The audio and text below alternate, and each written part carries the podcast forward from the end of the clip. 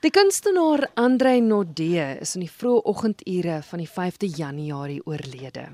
En in vanaand se program bring ons hulde aan die groot reus in die kunswêreld. En om oor Andre te gesels, gesels ek met Dr. Eunice Passon. Eunice, baie welkom op RSG Kuns. Baie dankie Kirstel. Baie dankie.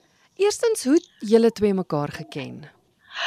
Wel, dit het in ons eerste jaar gebeur in 1969 waar Andrei net langs my in 'n bank ingeskuif het en vir my gesê het ek is Nudee van Springs en wie is jy? En daar het ons vriendskap van 54 jaar tot stand gekom. En wat verlede week op 5 Januarie afgesluit is. Ja. Want soos ek verstaan was jy by hom toe hy oorlede is. Ehm um, nee, nie direk nie. Ek het ek het die uh nuus ontvang en net mm. dadelik na hom toe uh na sy huis toe gegaan. Uh want dit was vir my net absolute onsinnige boodskap wat ek gekry het. Maar toe ja. ek daar aankom was daar reeds twee ander mense en ja, ander ander is vroegoggend oorlede. Mm.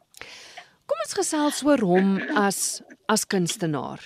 Ek dink baie van die luisteraars ken hom, ken sy werk, het sy loopbaan gevolg, maar vir die wat nie so bekend is nie, wie was hy as kunstenaar? Wel, uh heel eerste moet ek sê dat jy weet Andrei staan uit in die Suid-Afrikaanse kunsgemeenskap as een van die belangrike koloriste. Mm. Andrei het absoluut 'n aanvoeling, 'n fyn aanvoeling vir die gebruik van kleur, van kleur gehad. Kontrasterend, soms botsend en natuurlik ook dan sy sy gevoel vir lyn, vir vorm. En ehm um, dit is nou een aspek van sy van sy praktiese werk, maar dan wil ek ook sê Andrei het natuurlik by ons het almal by die Universiteit van Pretoria studeer waar hy la, in later jare ook teruggekom het om klas te gee ook by Unisa, maar hy het baie lank jare by Rodin in Johannesburg was hy die kunshoof gewees. Want vir hom was dit belangrik om om op te voed. Die pedagogie ja. daarvan om om, om studente te leer, né? O, absoluut.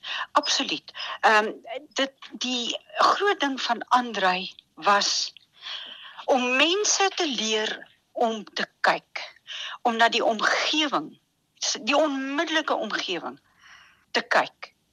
Hy het so dikwels byvoorbeeld ook, jy weet, net eenvoudig natuurelemente uit sy tuin uitgeneem. Byvoorbeeld toe hy nog 'n pragtige roostuin gehad het, mm. daar het 'n naboom, 'n groot naboom in die tuin gegroei.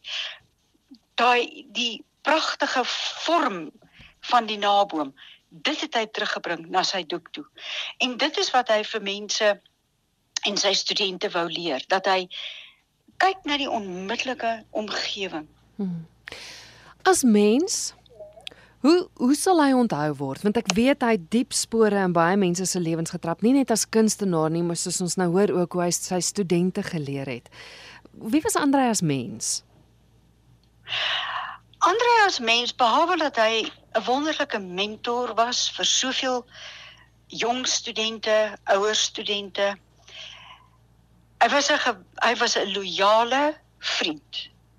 Natuurlik het Andre ook sy eie kom ons sê windmeulens gehad wat hy van tyd tot tyd bestorm het en mee geveg het. Ek is baie bewus van 'n 'n melankolie wat hom so nou en dan getref het. Maar dan het hy teruggetree. Hy het teruggetree in sy ateljee in en dan het hy homself voor sy esel gaan plant en begin skilder of gesit en lees, maar veral geskilder met musiek in die agtergrond. Hy was 'n groot radioluisteraar. Mm. En dit was natuurlik ook ehm, 'n um, groot invloed op op sy ehm um, werk of temas uh waarmee hy gewerk het. Hy was baie besorgd oor fasette van die samelewing. En jy weet internasionaal universele probleme rondom die menslike toestand in die wêreld. Maar dan so na 'n uh, 3 weke of vir 4 weke, dan sal hy my byvoorbeeld bel en sê is die ketel aan. Ek het vir ons croissants van Lucky Bean. Hy hy het daar was maar eh, by tye 'n bietjie van 'n sikliese uh melankolie wat hom getref het. Maar hy was 'n lieflike en 'n baie baie loyale mens. Soos ek verstaan het jy 'n gedig vir hom geskryf, is ek reg? Ja, ja, ek ek het dit dit, dit is 'n gedig wat ehm um, in by die dag 'n uh, 'n bundel verskyn het. Sal jy omgee om hom vir ons te lees? Ek sal dit graag doen. Ek het dit juis ehm um, geskryf. Die titel is ehm um, tekenend. En ehm um, en dit dit was na ook weer eens na 'n besoek aan aan Andrei se ateljee toe sy geliefde hond Aksel nog gelewe het en sy vrye boom baie swaar gedra het en die orgidee geil geblom het op sy stoep. Ek lees dit graag. Tekenend. Soos 'n insek oor papier kriewel 'n bries deur sy ateljee. 'n Man gee sy plante vroegdag water proe proe in gedagte aan 'n beker tee. Mariana Pizzolato sleep deur 'n Stabat Mater. Miskien Pergolesi of Gounod. 'n Swart hond snuif verby 'n waterbak, lig sy been geel oor 'n orgidee. Stap traag om iewers koel te gaan lê. Eenkant op 'n doek sal vorm en lyn integreer. Die skilder sy leitmotief verbeeld om aan die einde van die dag terug te tree, lank te sit en kyk, te kontempleer. Dan straat af met sy hond gaan wandel om later na die esel terug te keer waar hy 'n kwas diep in celadon invou. As hy die groen van sy ma se linweer vaas uit 'n kinderkaleidoskoop onthou.